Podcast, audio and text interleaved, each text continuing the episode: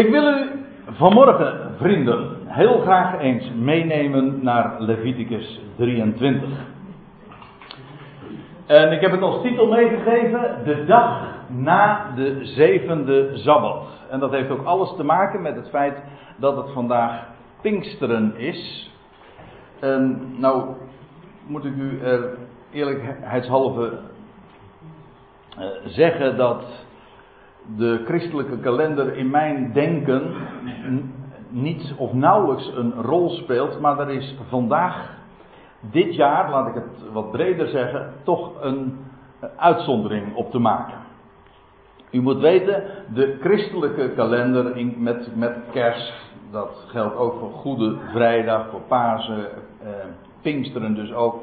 Al die dagen, die zijn door mensen ingesteld, zijn niet door de schrift zelf ingegeven. Ja, en als je je baseert op en uitgaat van dat wat de schriften zeggen, ja, dan kan het niet missen dat je dus ook voorbij ziet aan alles wat daar eh, niet op gebaseerd is.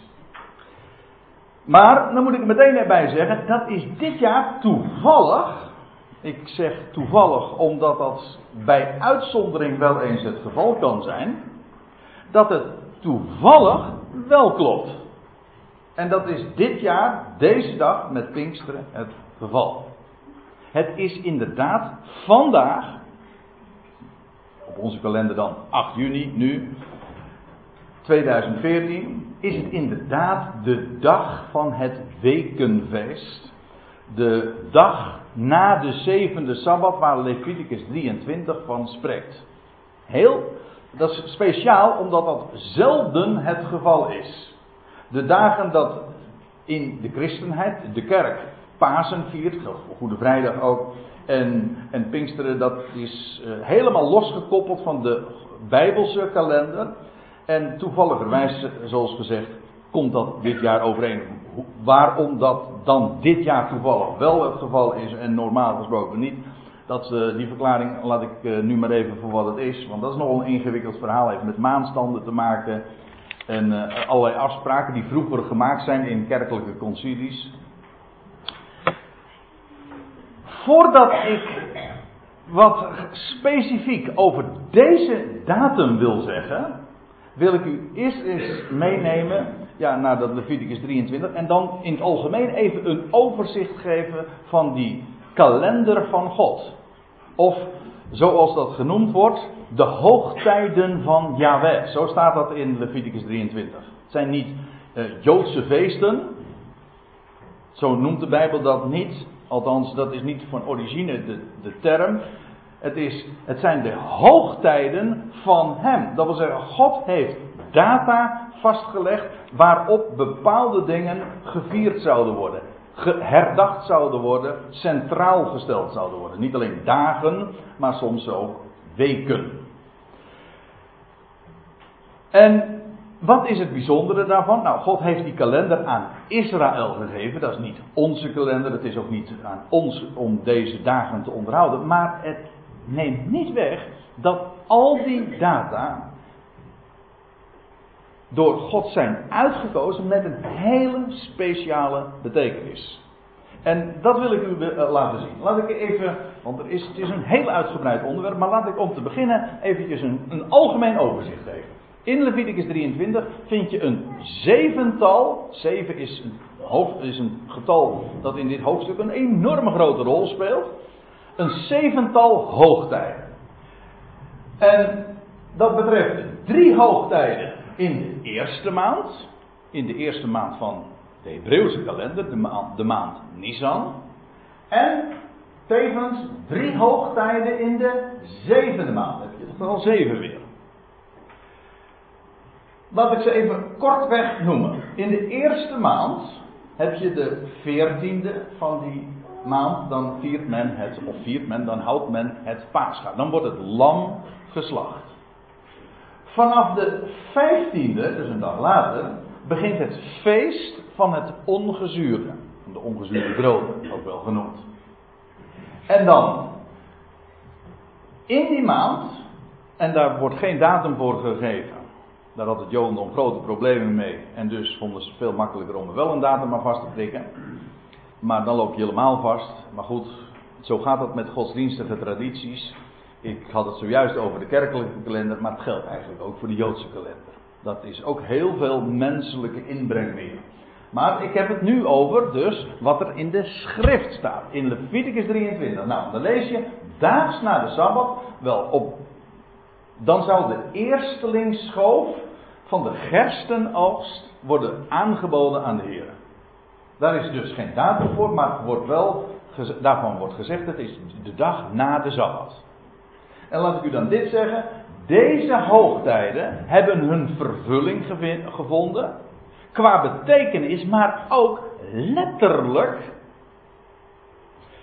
Op die data, zoveel eeuwen later. Dat wil zeggen 1500 jaar later, als we er even van uitgaan dat, dat deze kalender aan Mozes werd gegeven, via Mozes aan Israël, pakweg 1500 voor Christus. Wel, dit heeft zijn vervulling gevonden, allemaal in het begin van onze jaartelling. Toen op de 14e van die maand, van de eerste maand, het Pascha geslacht werd. Uh, vervolgens, de eerste dag in het graf, uh, dat was de 15e. En dan vervolgens de dag na de Sabbat is de eersteling uit de doden opgestaan. Dus de eersteling schoof van de gerstenoogst die werd aangeboden aan, aan Yahweh.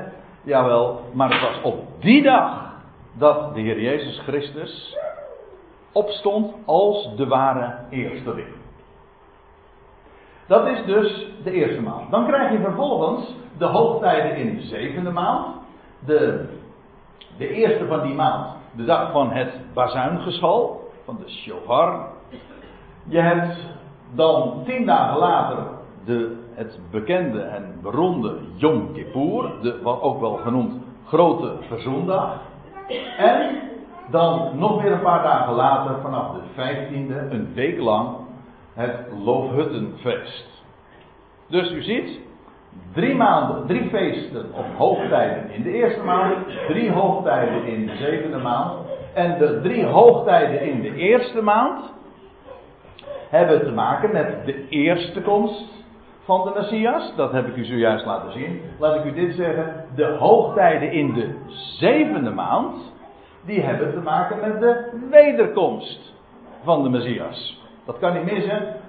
Dan zal het bazuingeschal klinken. Ik ga dat nu niet verder aantonen, dat is het onderwerp niet, maar goed, ik wil het toch in ieder geval aangestipt hebben. De dag van het bazuingeschal, de grote verzoendag voor Israël. En ook de, het Loofhuttenfeest. Wat ook alles te maken heeft met het toekomstig Messiaanse Rijk. Overduidelijk hebben zowel de hoogtijden in de eerste maand te maken met dus de eerste komst van Christus, makkelijk te onthouden, met de eerste komst van Christus. En de hoogtijden in de zevende maand, met wanneer alles zijn voltooiing zal ontvangen en krijgen, namelijk het getal 7, dat, spreekt daarvan, van volheid. Wel, dat heeft te maken met wat wij dan noemen de wederkomst van de Messias. En, dan moet ik er nog een ding bij zeggen, en nou komen we op ons onderwerp. Daar heb je ook nog één hoogtijd, want we, hadden het er al over. Er zijn zeven hoogtijden in totaal. Dat betekent dat er nog één overblijft. Eén hoogtijd daartussenin tussen de eerste maand en de zevende maand. Namelijk een hoogtij in de derde maand en dat heet het wekenfeest. Dat is de Nederlandse vertaling. In het Hebreeuws heet dat Shavuot. Dat wil zeggen, dat is, dat is dus uh, in het Hebreeuws gezegd weken. En waarom? Nou, het heeft te maken met een week van weken. Nou, zeven, uh, of ja, na zeven weken, na 49 dagen, krijg je het Pinksteren. En Pinksteren is dan weer, de, weer afgeleid van het, een Grieks woord. Want Pinksteren, denk maar aan die pink, dat heeft te maken met de vijfde. En Pinksteren is de vijftigste. En dat komt dan weer uit uh, de Griekse taal. Dus men spreekt in het Hebreeuws over een wekenfeest, wat. En de Hebreeën spreken over, of de Grieken spreken over Pinksteren. En dat hebben wij nog steeds overgenomen. En Pinksteren betekent dus gewoon vijftigste. Ik zou het ook nog anders kunnen voorstellen. Namelijk als een menorah, dan krijg je dus aan een menorah met een standaard uh, en aan weerszijden een drietal hoogtijden, Pascha, het feest van ongezuurde, de feest van de eerstelingsscharven aan de ene kant en aan de andere kant de dag van het bazuingeschal, Yom Kippur en het Loofhuttenfeest. Allemaal aan dat verband houdend met de tweede komst van Christus. En daartussenin hebben we dan Pinksteren. Zodat je letterlijk en figuurlijk kunt zeggen dat Pinksteren centraal staat in die kalender. En wat ik er eigenlijk ook mee wil zeggen met deze introductie, niet alleen maar om u in het algemeen iets te zeggen over Leviticus 23, maar juist ook om u te laten zien dat Pinksteren, het wekenfeest, verband houdt met dat wat God doet tussen de eerste en de tweede komst van Christus.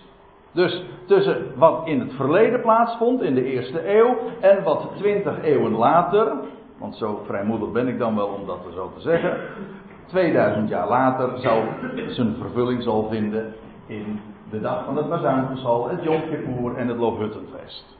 Daartussenin doet God een werk en daar spreekt Pinksteren van. Dus typologisch, zo op voorhand, dan hebben we het nog helemaal niet erover gehad wat er nou precies eigenlijk gebeurde met Pinksteren. Maar typologisch weet je al, dat moet te maken hebben, typologisch ik bedoel dat qua schaduwen, qua betekenis, qua symboliek, verwijst dat naar dat wat tussen de eerste komst en de tweede komst van Christus plaatsvindt. Daar verwijst het naar. En ik wil zomaar wat dingen aanstippen vanmorgen.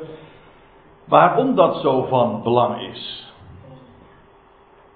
Nou, laten we maar uh, ons nu eens direct wenden tot Leviticus 23. En dan moet ik beginnen bij vers 10. Dat wil zeggen, ik begin niet bij, meteen bij het Pinksteren, maar ik begin bij het begin. Want als ik zeg Pinksteren, dan zeg ik vijftigste. Ja, vijftigste van, van wat dan? Waar beginnen we dan te tellen? Het is vandaag, dat weten we toch, hè?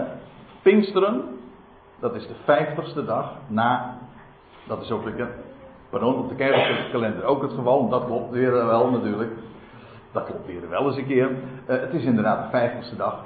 Vijftig dagen geleden was het Pasen. Vandaar ook het spreekwoordelijke als Pasen en Pinksteren op één dag vallen. Dat gebeurt namelijk nooit. Dat kan per definitie niet, want het is, ja, daar zitten juist 50 dagen. Nee, er zitten 49 dagen tussen.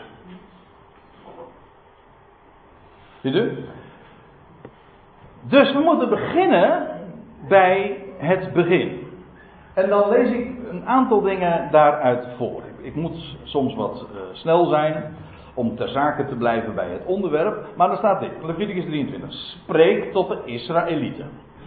Dit is geen wetgeving met betrekking tot de natieën of zo, of wat u en ik moeten doen. Nee, Mozes moest dit spreken tot de Israëlieten. Spreek tot de Israëlieten en wat? Zeg dan tot hen, wanneer jullie komen in het land dat ik u geef en de oogst daarvan binnenhaalt. En kan u verklappen dat, dan gaat het over de gerstenoogst. Ja, de oogst van gerst. U ziet het, dit is geen tarwe, maar Gerst, bekend om zijn lange haren.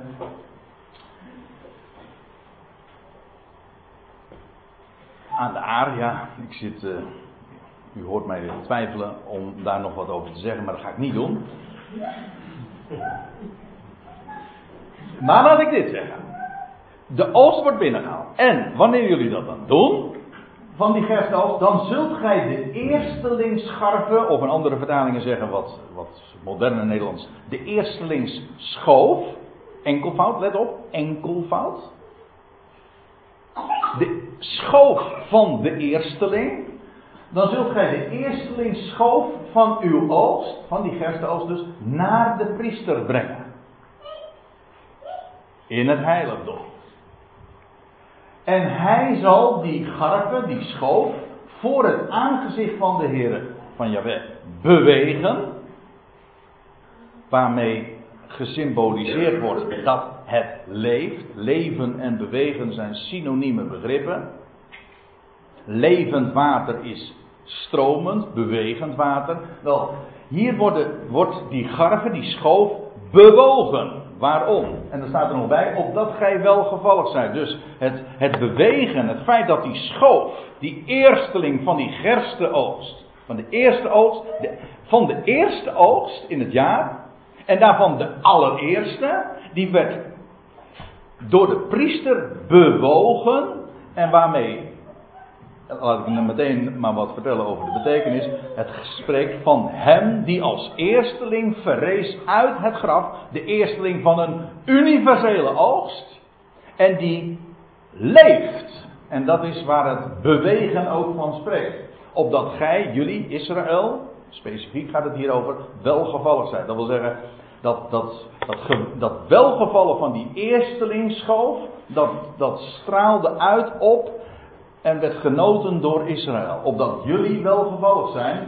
En dan staat erbij, daar na de Sabbat, Sabbat zal de priester die bewegen. Hier wordt dus meteen gezegd wanneer. Er wordt dus niet een datum voor, voor vastgeprikt, maar een weekdag. Namelijk de dag na de Sabbat. En u ziet waar dat naar verwijst. Triomfantelijk is dit de het centrale gegeven in het Nieuwe Testament. Namelijk dat de dag na de Sabbat, na die specifieke Sabbat, in die week van Pesach, dat de eersteling verrees uit het graf. Levend, definitief, als garantie dat de rest zal volgen. Want dat is geweldig. Het gaat niet alleen over die eersteling, maar een eersteling betekent, hij is de eerste. Als je zegt eerste, dat betekent dat er meer volgt. Hè? Dat is het idee. De oogst gaat nog komen, maar hij is de eersteling. Nou, nou sla ik een aantal versen over, want dit was de eerstelingsschoof. Dat was 50 dagen geleden. En nou gaan we naar vers 15. Dan zult gij tellen van de dag na de Sabbat van de dag waarop gij de garven van het beweegoffer gebracht hebt, dus waar we het zojuist over hadden, dan moest Israël gaan tellen. Waarom tellen? Wel, omdat er niet een datum gefixeerd is, geen datum is benoemd, dus men moest gaan tellen. Vanaf die dag. Vanaf de dag waarop gij de garven, dus die dag na de Sabbat, waarop gij dat, die, dat beweegoffer, dat is karakteristiek van dat offer, namelijk dat het beweegt, leeft, dat gij dat gebracht heeft. En wat moesten ze dan tellen? Hoe lang moesten ze tellen? Wel, zeven volle weken zullen het zijn. Of letterlijk staat er zeven volkomen sabbatten. Ik meen ook dat de Statenvertaling dat zo weergeeft. Zeven volkomen volle sabbatten. Wat in de praktijk trouwens op hetzelfde neerkomt. Maar het idee is vooral, men moest sabbatten gaan tellen.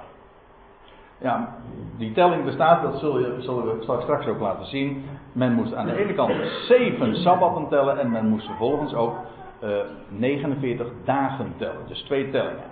Dat heeft het Jodendom trouwens ook heel precies nagevolgd, dat weer wel.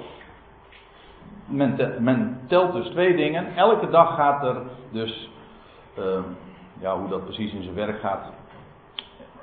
Ik heb dat ooit hier wel eens een keertje, geloof ik, uh, ook laten zien. Maar hoe de, hoe de Joden, hoe dat ook heel speels uh, met, met, met de kinderen uh, gevierd wordt. Elke dag wordt dus geteld. Het is een, een tijd van telling. Zeven volkomen sabbaten.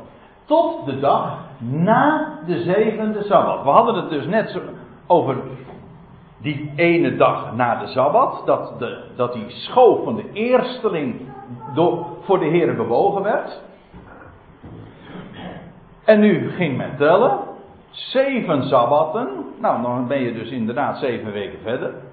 Tot de dag na de zevende sabbat. Vandaar dus de titel van deze studie, van deze toespraak. De dag na de zevende sabbat. Dat is wat vandaag is. Pinksteren. Zo zult gij dus stellen. En dan staat erbij 50 dagen maar laat ik u dan, eh, het nog even anders zeggen, even wat schematisch voorstellen. Het plaatje is misschien niet al te helder, maar voor het gemak dient het denk ik toch, eh, is duidelijk genoeg. Dus je had dus de dag na de Sabbat, het begin van de gerstenoogst, de dag dat die eersteling schoof werd bewogen, en dan vervolgens vanaf die dag worden er zeven sabbatten geteld. 1, 2, 3, 4, 5, 6, 7. Zeven sabbatten tellen. En deze periode heet de dagen der sabbatten. Dat is de, de, technische uitdrukking daarvoor. Waarom? De dagen der sabbattentelling. Dat is het idee. En dat betekent dus dat je daarna krijgt de dag na de zevende sabbat. Oftewel de vijftigste dag. En dus weer op een zondag. Dat is heel opmerkelijk. Dus dat zowel die dag van die eerstlingsschoof als Pinksteren per definitie op een zondag. Dat wil zeggen de dag na de Sabbat vallen. Vijftig dagen, ja. Oftewel na 7 keer 7. 7 kwadraat. Dat is, u weet, 7 is in de Bijbel sowieso al een uitbeelding van volheid. Maar 7 in het kwadraat al helemaal. De, de volheid in het kwadraat. 7 maal 7. Waarvan je trouwens nog weer allerlei varianten hebt. Want we hebben ook natuurlijk nog de uitdrukking 70 maal 7. Die kent u toch? In de Evangelie wordt dat genoemd. Hoe vaak moet ik mijn broeder vergeven? Was de vraag tot zeven keer? Nee, 70 maal 7. En dan heb je ook nog de uh, 7 maal 70. Dat is dus 490. Dus je hebt dus 49 en dan op een hoger niveau. Pardon, je hebt 4, 49. Op een hoger niveau is 490. Dat zijn de 70 jaarweken in Daniel 9. Na 490 jaren. Kortom, dat speelt nogal een grote rol. 50. Dat betekent dus eigenlijk, dat is misschien ook wel aardig om in dit verband erbij te zeggen. Na de 7 krijg je dus, als 7 volheid is, dan is 8 de, de dag of het getal van de overvloed. En ook weer als 7 volheid is, dan is 8 weer een nieuw begin. Logisch. De reeks van 7 is vol en dan beginnen we weer nieuw te tellen. Je kunt zeggen de dag na de Sabbat, is de achtste dag. Maar je kunt net zo goed zeggen het is de eerste dag van de week. Niet waar? Dat zijn. Dat kun je allebei zo formuleren. En de 50 heeft daarmee ook diezelfde betekenis. Na 7 kwadraat krijg je. Na 7 krijg je de 8, na 7 kwadraat krijg je de 50. En heeft dus ook alles te maken met een nieuw begin. En als u een klein beetje uh, wat, nog wat meer weet van de Hebreeuwse kalender, dan weet u, ah, maar 50 was dat ook niet het getal van het jubeljaar. Jazeker. Hè? Dan moesten ze, na 49 jaar brak het jubeljaar aan. Het vijftigste jaar. En dan werden allen, alle slaven in vrijheid gesteld. Maar dat niet alleen.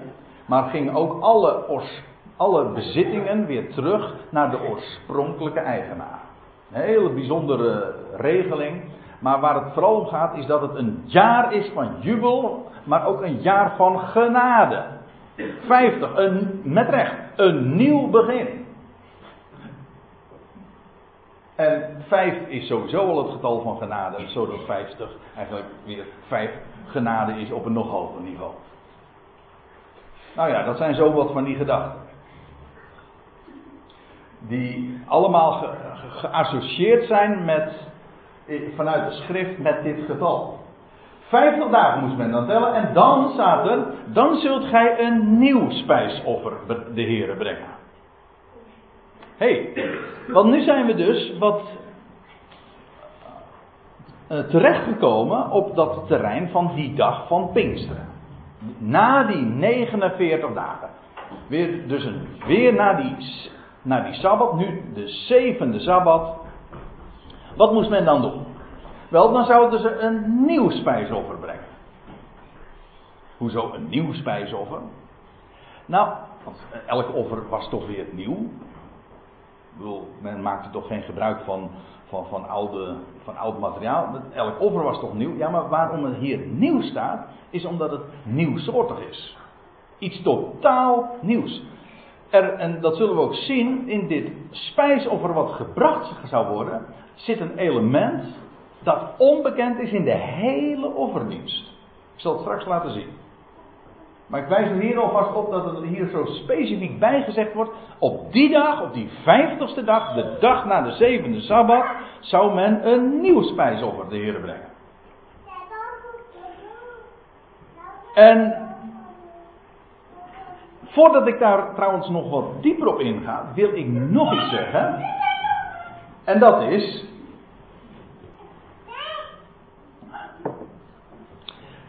Bij het begin van die telling hadden we het over de gerstenoogst. Nu zijn we zeven weken verder en dan hebben we het niet meer over de gerstenoogst, maar dan wordt de tarweoogst binnengehaald. Dat staat trouwens niet zo, zo, specifiek in Leviticus 23, maar in andere schriftgedeelten vind je dat wel vermeld. Dus eerst de gerstenoogst en zeven weken later de oogst van tarwe.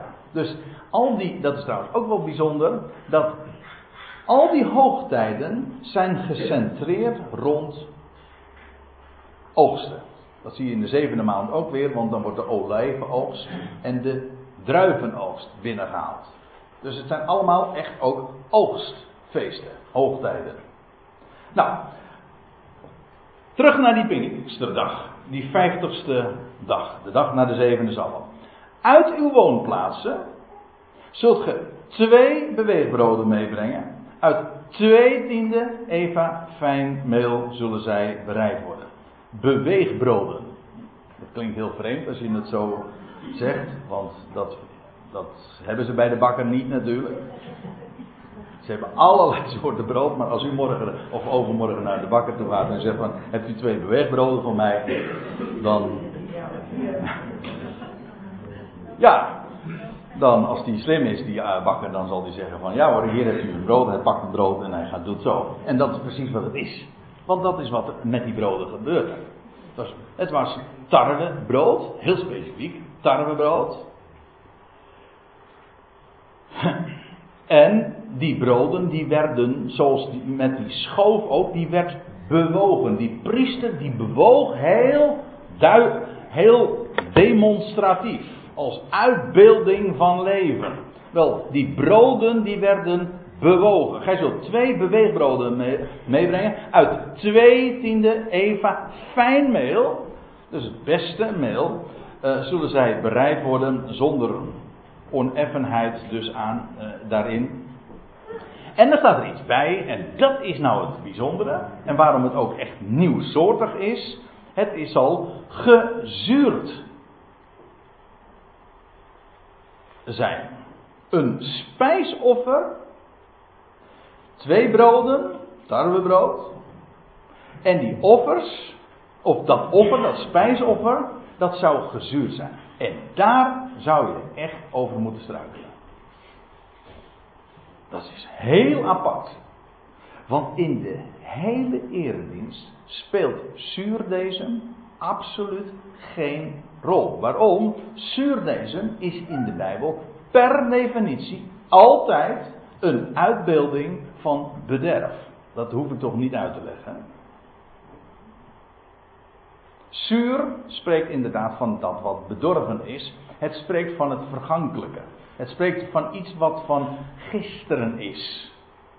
En Vandaar ook gisten. Het woord gist komt van gisteren. Of omgekeerd, dat weet ik niet. Maar in ieder geval, die twee begrippen zijn aan elkaar gekoppeld. Zuurdesem, dat is. En u weet het, een beetje zuurdesem maakt het hele deeg zuur. En kijk het maar na in uw Bijbel. Er wordt er gesproken over dus het zuurdesem van, van de Herodianen. Het zuurdesem van kwade leer. Het zuurdesem. Allerlei uh, termen en worden daar in dat verband gebruikt. Maar karakteristiek in al die gevallen is de negatieve associatie. Het heeft altijd te maken met zonde en met bederf. Wat de tijd niet kan trotseren. Vandaar bijvoorbeeld dat ongezuurde broden, dat zijn broden dat zijn, die niet bederven. Die kun je, ja, dat is waar geen zuurdesem in zit.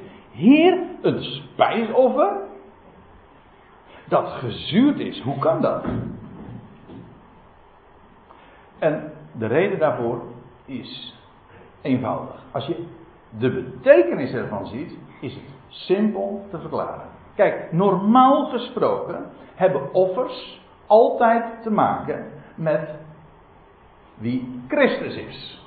Denk maar bijvoorbeeld aan dat aan die eerstelingsschoof, maar in het, offers in het algemeen, dat die verwijzen naar hem die gaaf, volkomen was en zich gegeven heeft, stierf, opstond uit het graf. Hij is volmaakt.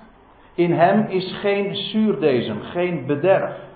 Nee, maar nu gaan hebben we het over de Pinksterdag. En die broden, die zijn geen uitbeelding van hem.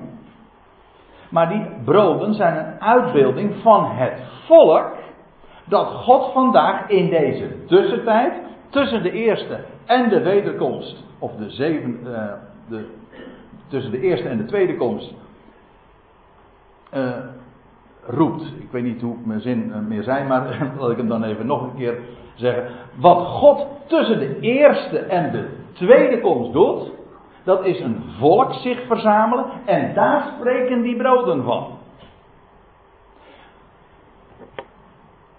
En dan begrijp je ook waarom er in die broden zuurdesem was. Weliswaar gebakken, dus, dus de werking van het was vervolgens uh, uh, opgehouden, dat wel. Maar het was, nog, het was nog steeds gezuurd. Dat heeft te maken met, het, met de hoedanigheid van dat volk. Het, heeft, het spreekt van wat God tussen de eerste en de tweede komst van Christus in doet. Hij verzamelt zich een volk. Is dat volk volmaakt? Nee, helemaal niet. Het komt uit een vergankelijke, bedorven schepping voort. Daar, het spreekt dus van onze oorsprong. Van dat volk dat God zich roept. Dat, en dat een hoge bestemming heeft. Maar niettemin, als je kijkt naar haar afkomst, is het gezuurd. Het spreekt dus niet van Christus. Het spreekt van het volk dat hij zich verzamelt uit deze vergankelijke, verzuurde schepping.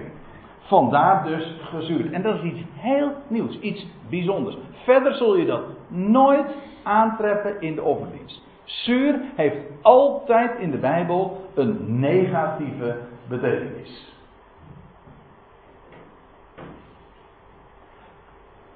En dan wordt er nog bij gezegd, uh, het gezuurd zullen zijn gebakken worden, eerstelingen zijn het voor de Heer. En hiermee is aangegeven de bestemming die deze broden hebben. Want als iets het eerst is, we hadden het zojuist, let op, we hadden het 50 dagen hiervoor over de eerst, de eersteling, enkelvoud. Die ene, de eersteling, die verrees uit het graf, de dag na de Sabbat. Nu gaat het over het werk van God tussen de eerste en de tweede komst van Christus. Hij verzamelt zich een volk uit een oude schepping. Jawel. Maar met de hoogste bestemming. Wij zijn eerstelingen. Meervoud. Dit spreekt van het werk Gods in de tussentijd. Dat kun je trouwens ook nog op verschillende niveaus bezien. Ik wil het niet ingewikkeld vanmorgen maken, maar dat is heel hoog en ook heel diep, diepgaand. Je zou het namelijk ook vanuit het perspectief van de twaalf kunnen bezien. De twaalf apostelen, het evangelie van de besnijdenis. En ook vanuit het perspectief van Paulus. Dat is de lijn die ik vanmorgen volg. Laat ik even nu, voordat we nog verder gaan, eerst eventjes een korte samenvatting geven over die eerstelingen. In de Bijbel hebben eerstelingen altijd de hoogste bestemming. dat vind je in allerlei verband weer terug. Hoe sterk bijvoorbeeld de betekenis is van eerstgeboorterecht. Dat zijn, dat zijn begrippen die wij in onze westerse wereld helemaal vergeten of verloren zijn. Maar het eerste is altijd het beste. Nou, dat weten we nog, hè? het eerste de beste. Trouwens, in de oogstermen is dat ook een heel logisch begrip. En er zitten hier kwekers in ons midden en die weten dat de, eerste van de oogst van een. Ik, eh, als uh, ex-kweker spreek ik nog een beetje zo. De, eerste, de eerstelingen bijvoorbeeld van een snee rozen. Ik was ooit bloemist. Dat waren altijd de beste, nietwaar? Ja, nou moet je bevestigen wat ik zeg. Ja, dat was altijd het beste. En je vindt dat op allerlei gebied. De eerstelingen werden, waren altijd voor de Heer. Er is zelfs een hele stam die die functie vervult, namelijk van Levieten. De Levieten waren oorspronkelijk eh, de, de eerstgeborenen. Maar hoe dan ook. Je leest bijvoorbeeld in de, in de zo'n prachtige term. Uh, al wat de baarmoeder opent is mijn. Dat klinkt heel uh, vreemd. Maar dat is de manier waarop het Hebreeuws zich dan ook uitdrukt. Alles wat de baarmoeder opent, dat wil zeggen alles wat het eerst uit de baarmoeder komt, daarvan zegt de Heer, dat is van mij. Dat krijgt de hoogste bestemming. Dat wordt naar de tempel gebracht en daar in het heiligdom is het van hem. En dat geldt voor eerstelingen van de, van de kudde. De, eerste, eh, de eerstgeborene was altijd een offer voor hem. Wat God vandaag ook verzamelt is een ecclesia in deze tussentijd. Een, en dat is een ecclesia van eerstelingen. En dan weet je, omdat het eerstelingen zijn, dat het per definitie ook de hoogste bestemming moet gaan krijgen. En dat is precies wat God vandaag ook doet. Ik vind het geweldig om daaraan te denken. Kijk, een heleboel mensen die hebben ook nauwelijks benul. Ja, dat is ook logisch, want het is eigenlijk ook helemaal niet de bedoeling dat iedereen dat zou weten. Maar het is zo belangrijk om de schriften te verstaan en ook te weten in wat voor tijd we leven. Wij leven in een tijd van eerstelingen. Dat is voor mij destijds een enorme eye-opener geweest. Het is helemaal niet de bedoeling dat vandaag alle mensen, uh, uh, zoals een heleboel mensen denken, van, vandaag moeten alle volkeren gemaakt worden tot zijn discipelen. Echt niet. Dat gaat gebeuren. Dat gaat in één generatie gebeuren. Als via Israël het evangelie van het koninkrijk gepredikt zal worden, dan zullen alle volkeren zijn discipelen worden. Met succes. Vandaag niet. Vandaag roept God een volk, een ecclesia, uitroepsel. Ecclesia betekent eigenlijk ook uitgeroepen. Hij roept een volk uit, eerstelingen, enkelingen. Niet de massa, nee, enkelingen. En de rest, dat is brandhout voor de hel. Ja, dat is de gebruikelijke versie dus. Dat is zeg maar zoals dat in de christenheid algemeen verteld wordt. De kerk. Hè? Wij zijn de kerk. En van, dat is dat. En de rest. En, maar dan, als je zoiets zegt, dan ken je domweg. Sorry dat ik het zo scherp zeg, maar dan ken je het evangelie niet. Het evangelie is juist de boodschap dat het leven sterker is dan de dood. Het is allemaal gebaseerd, ook Pinksteren, is gebaseerd op Pasen. Hè? Het is gebaseerd op de dag van die, dat de eersteling uit de dood verrees. En hij, zijn verrijzenis is een garantie dat alles zal volgen. Hij zal de dood teniet doen. En het hele concept van een hel is, staat haaks op het evenredig. Op het moment dat je dat ingevoerd hebt, heb je geen evenredig meer. Echt niet. Maar die boodschap van de redder der wereld, wie hij is, die wordt vandaag verkondigd. Ja, is altijd maar mondjesmaat geweest hoor. Dat weet ik. Heel de geschiedenis door. Het heeft niet, heeft niet zeg maar in de historiebeschrijving, heeft het nauwelijks een rol gespeeld. Het is in het verborgen. Maar eerstelingen worden uitgeroepen door het woord van die apostel die speciaal ook bestemd was voor de natie. Vandaag. Nou, een volk, handelingen 15 vers 14 wordt het zo gezegd. Een volk vandaag voor zijn naam uit de natie. En omdat het eerstelingen zijn, zijn ze voor hem. En zijn we ook bestemd voor de hemel. De hoogste bestemming. Gefeliciteerd. Heeft dat te maken met onze oorsprong? Nee, helemaal niet. Integendeel, want dat is zuur. Ik bedoel, we kunnen geen aanspraak erop maken. Er, komt trouwens nog iets bij. Maar dat heb ik zojuist al even aangegeven, dus ik kan hier nu snel uh, verder op, gaan, uh, op doorgaan. Het is gebaseerd dus, heel uitdrukkelijk, wat God vandaag doet. Wat God vandaag doet, is inderdaad een volk verzamelen, maar het is gebaseerd op het feest van de eersteling. Het heet Pinksteren, dat wil zeggen 50, geteld vanaf de dag dat hij verrees uit het graf. Dat is het. Daar gaat het allemaal om. Die boodschap. Over de overwinning op de dood. Wat ook opmerkelijk is, de dubbele afkomst. Om even te spreken in de termen van Paulus, dichtbij en veraf. In het land en daarbuiten. Of, maar dat is dan echt specifiek terminologie van Paulus. Ik zou dit ook nog op een andere manier kunnen toepassen. Namelijk over de verzameling van Israël, die ook een eerstelingsfunctie heeft, maar dan op aardsniveau. Maar goed, vandaag twee broden, twee tiende fijn meel. Waar spreekt die twee van? Wel de dubbele, de dualiteit. Een nieuwe schepping, ja, maar uit een oude, zure schepping afkomstig. Twee broden, uit Jood en Heiden, dichtbij en veraf. Oud en nieuw. En, nou, dat gezegd hebben, gaan we nog eventjes verder. Want de beschrijving in Leviticus 23, die gaat verder over dat Pinksterfeest. En dan worden er nog dingen bij vermeld over wat er bij dat brood, bij die twee broden, nog meer gedaan zou worden. Bij het brood zult gij zeven gaven, eenjarige schapen offeren en een jonge stier en twee rammen. Zij zullen een brandoffer voor de Heer zijn. Brandoffer wil zeggen, het, is, het gaat om, het stijgt omhoog.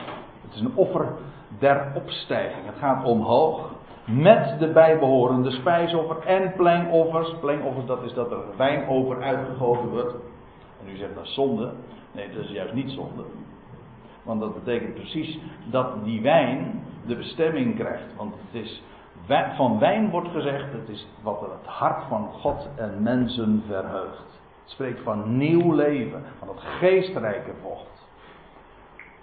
En dan staat er nog bij een vuuroffer tot een liefelijke reuk voor de Heer. Alles wat hier gebeurt heeft te maken met inderdaad een hoogtij, met, met feest. Met eerstelingen die, die, die gebracht worden bij de Heer, die die bestemming krijgen. En het is een liefelijke reuk voor de Heer. Nou, over die betekenissen van die, van die offers, want het is heel compleet. Daar ga ik nu niet te diep op in. Maar één ding willen moet ik er nog wel even bij zeggen. En dat is dat offers in het algemeen niet alleen maar spreken van het sterven, dat er een dier geslacht wordt. Nee, het idee van een offer is niet dat er een dier geslacht wordt. Dat was wel zo. Maar het idee van een offer is dat een dier dat geslacht was, vervolgens verhoogd werd en opsteeg tot God. En dan zie je ineens dat die offerdienst allemaal spreekt van de verrijzenis van hem die ooit geslacht was. Het is geweldig om, om dat altijd te bedenken. Offers, hoe dan ook in de Bijbel, hebben te maken met iemand en verwijzen naar hem die geslacht werd en daarna als een offer opsteeg uit het graf en opsteeg naar God. Ook inderdaad alweer met die hoge, letterlijk en figuurlijk, die hoge bestemming. Dan zult geen geitenbok ten offer en twee eenjarige schapen ten vredeoffer bereiden. En u ziet hier allerlei begrippen langskomen: brandoffer, vredeoffer. En dan vraag je af: uh, wat is dat dan allemaal? Nou, laat ik u dit zeggen: een vredeoffer, dat is in dit verband even van belang. Een vredeoffer, dat was een offer dat niet alleen maar voor de Heer was, maar het, was, het werd ook gegeten door de priesters. Mocht gegeten worden door de priesters en het volk eventueel. Dus het was een offer dat gemeenschappelijk genoten werd. En dan staat erbij in vers 20: En de priester zal ze bewegen. Wat is ze? Nou, dat, zijn, dat is dat vredeoffer. Bij het, bij het brood der eerstelingen, zo heet dat hier. Het brood der eerstelingen. Het, wordt hier inderdaad het brood genoemd. Het, was in de handen van de hoge priester en werd tot één gemaakt. Maar het, is van, het spreekt van de eerstelingen. Als beweegoffer voor het aangezicht des Heren bij de twee schapen. En dan staat erbij, zij zullen de Heren heilig zijn en ze zijn voor de priester. Wat dan weer verwijst uiteraard naar hem in wiens handen die broden zijn. Ik hoop dat u het beeld gewoon vasthoudt. Die broden spreken over die eerstelingen die vandaag verzameld worden uit de natieën. En die in de handen van de priester, met allemaal hoofdletters, hij, de verrezene, in, in zijn handen uh, is dat alles. En zijn wij heilig, dat wil zeggen, uitgekozen, maar ook apart gesteld. Apartelingen dus, ja. Dat zijn we. Heel apart. Dat is wat heilig betekent. Apart gezet. Dus als er mensen tegen u zeggen van, nou ik vind je maar een aparteling, dan zeggen van, nou dat is precies wat de bedoeling is. Dat moet u vooral zo houden. Ze zullen de Heer heilig zijn, ze zijn voor de priester. Eerstelingen. En dat is het, het meest centrale begrip met Pinksteren. U ziet, Pinksteren, een heleboel mensen denken dan alleen maar aan Handelingen 2. Maar als we even teruggaan naar de oorsprong van dit feest, van deze hoogtijd, dan komen we dus in Leviticus 23, dan zien we dus dat het alles te maken heeft met wat God doet tussen de eerste en de tweede komst van Christus. We moeten u trouwens op nog een element letten, en dat is, ik lees u voor, op dezezelfde dag zult gij een oproep doen uitgaan en gij zult een heilige, aparte samenkomst hebben. Geenerlei slaafse arbeid zult gij verrichten. Dat wil zeggen, deze dag was dus eigenlijk ook weer een rustdag. God verzamelt, God brengt bij elkaar eerstelingen en dat is allemaal, en het wordt gekarakteriseerd door rust. Geenerlei slaafse arbeid. Welke wijze? Dat was die dag er niet bij.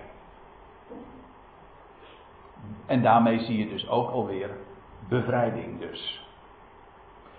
En het is een altoosdurende inzetting, wordt tegen Israël gezegd, in al uw woonplaatsen, dat wil zeggen in het beloofde land, voor uw geslachten.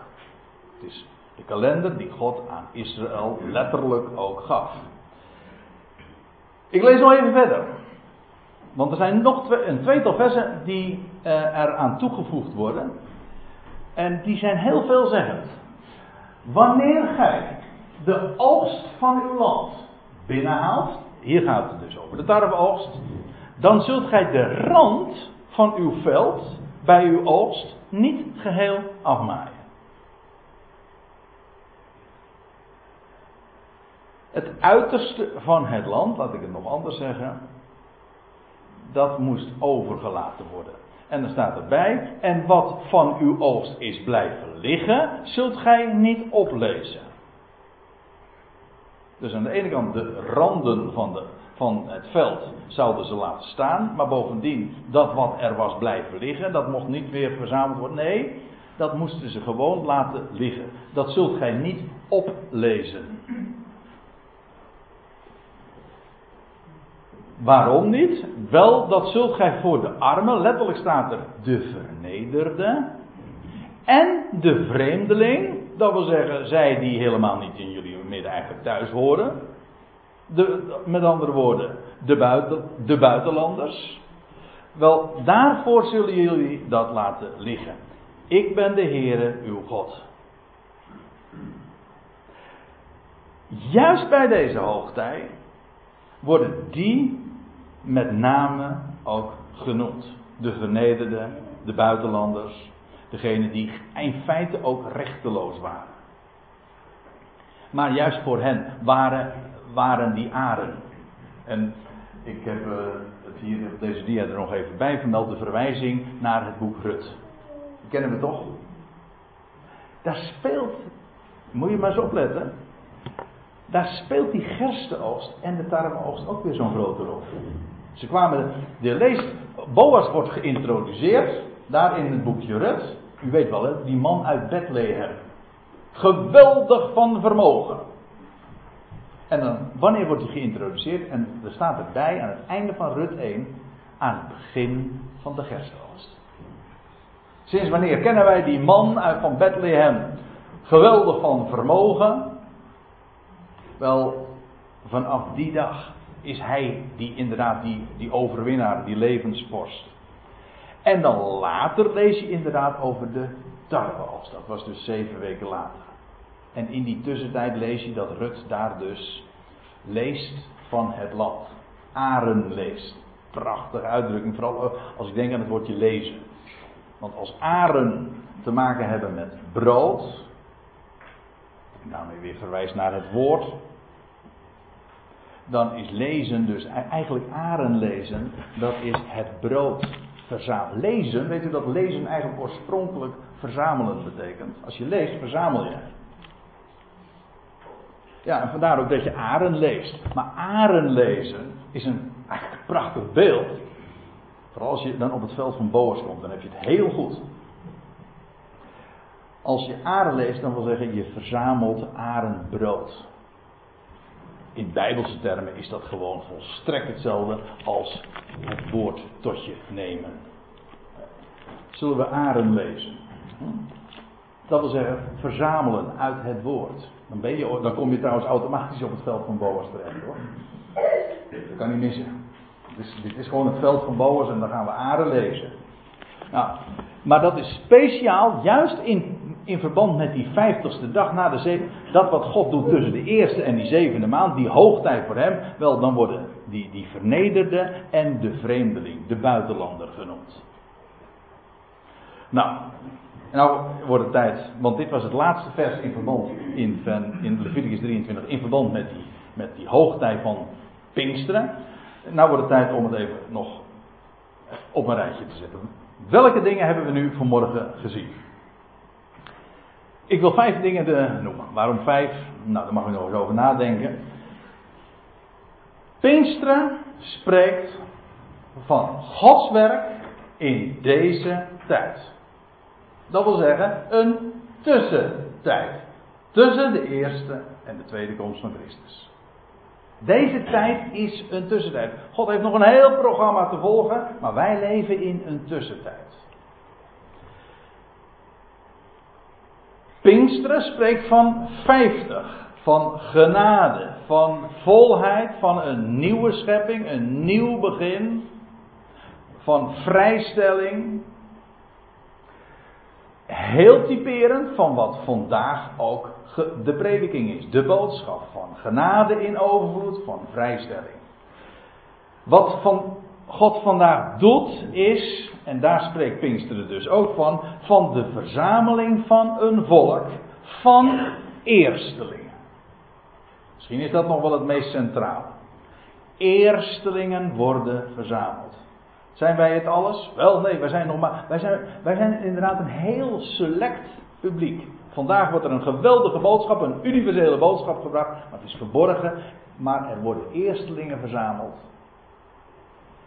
Maar juist met de verwachting, het totaal komt nog. Dat is juist de boodschap. Daarom is het zo geweldig. Je, je hebt, kijk, het feit dat we uitverkoren zijn. We hadden, ik, ik noemde zojuist even dat woord ook.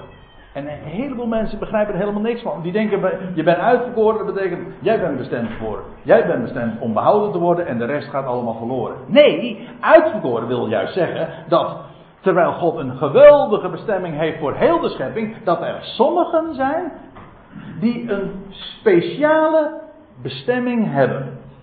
En in dit geval een bestemming van eerstelingen. Waarom? Verdienst? Nee, zo heeft God dat toebedeeld. Dat is inderdaad toeval, dat is je lotsdeel. Dat lot valt je zomaar toe. Puur om niet. En dat is vandaag de boodschap. Een geweldig evangelie van redding van allen. Ja, en er worden vandaag eerstelingen verzameld. Mensen die die boodschap in het hart dragen. Een verzameling van een volk van eerstelingen. Een volk ook afkomstig van dichtbij en ver, ver af. Een dubbele afkomst. Uit de natieën dus en vervolgens met de hoogste bestemming voor de Heer. En nu eventjes meteen met het licht maar van dat Paulus erop laat schijnen. Bestemd voor de hemel. Bestemd voor hem. In de handen van de hoge priester wordt bewogen voor hem. Het heeft wij als volk van eerstelingen zijn bestemd. En er zijn een paar van die brieven die daar zo van overvloeien. Neem de Efezebrief. Met Christus gezegend in te midden van de hemelingen. Met alle geestelijke zegen. Er is niets wat ons daarin onthouden wordt. We zijn verbonden met Hem, met Christus. En alles wat Hij krijgt, dat krijgen wij met Hem. We delen dat allemaal. Oh. Nou. Hè? Ja, het gaat zo wel.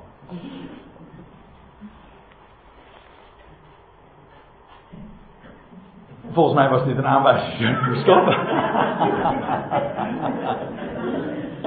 ja, want dat is precies. Nou, dat, dat is inderdaad wat, wat er gezegd moet worden. We zijn verbonden met Hem. Wij, ik bedoel, wij die dat mogen geloven, puur om niet, omdat je hart daarvoor geopend is. Prijs Hem. We zijn daarvoor bestemd, eerstelingen. En daar zijn we echt te feliciteren. Nou, daar wilde ik u vanmorgen graag wat uh, over vertellen.